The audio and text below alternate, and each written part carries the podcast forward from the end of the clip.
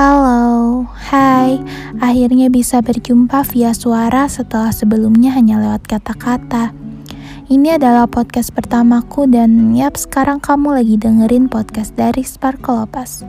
Kalau kamu udah tahu, terima kasih karena udah tahu. Tapi kalau belum, kamu bisa temuin lewat Instagram dengan nama yang sama, Sparkle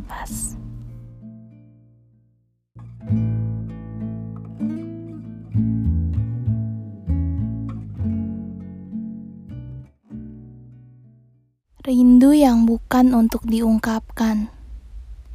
Malam ini kita bahas ini.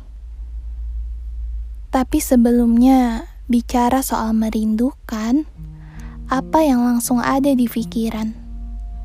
Kamu ingat siapa? Ingat apa?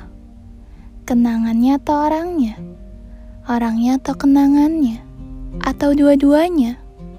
Atau lebih aneh lagi, rindu dengan marah, tengkar, bahkan kenangan buruknya. Kalau masih bingung dan gak tahu kenapa, tandanya kamu rindu semua hal tentang dia. Mau itu orangnya, kenangannya, baik buruknya, bahkan luka yang pernah tercipta. Semua hal yang berisikan ia adalah semua hal yang dirindukan. Tapi apa boleh merindukan? Kamu tahu kan, perasaan adalah hal yang paling sulit dikendalikan. Termasuk perasaan rindu seseorang. Jadi gak apa-apa punya perasaan itu. Kamu bebas punya perasaan rindu kepada siapa pun, tapi bukan berarti boleh mengungkapkannya sembarangan.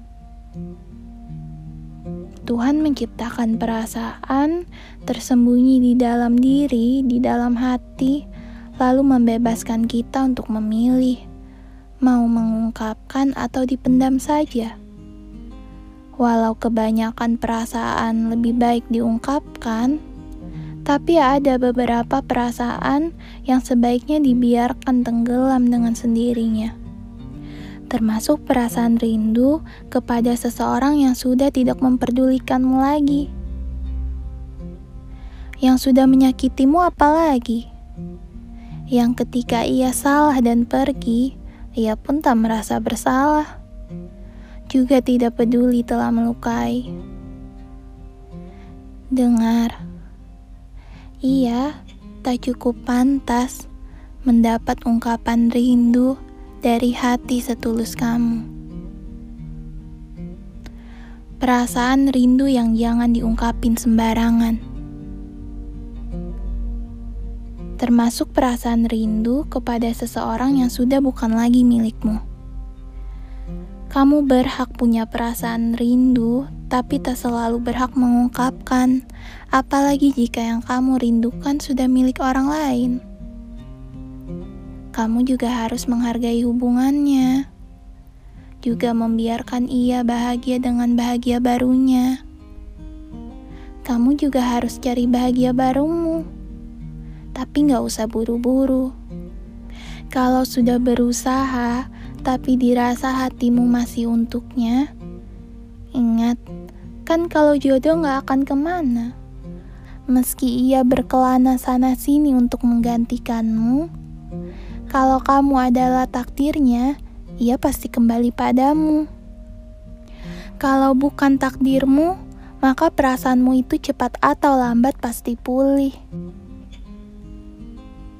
Jadi, untuk sementara waktu, untuk sekarang ini, nikmati sajalah rasa rindu itu. Walau sering menyesakkan, apalagi jika di malam hari apalagi jika sampai berselimut tangis dan membawa rasa sesak itu hingga ke dalam mimpi. Paginya mata langsung sembab.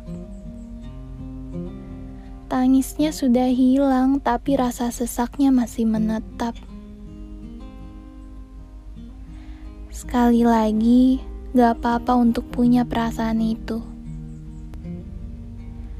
usahamu melupakan, dan rindu yang masih sering datang mungkin akan berulang di hari-harimu. Hari-hari berikutnya, hingga bertemu hari di mana kamu saja lupa tepatnya kapan tidak lagi merasa sesak.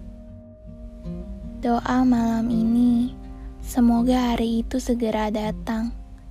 Hari di mana kamu sudah bisa melupakan. Selamat malam. Terima kasih sudah mendengarkan dan tidur yang nyenyak malam ini.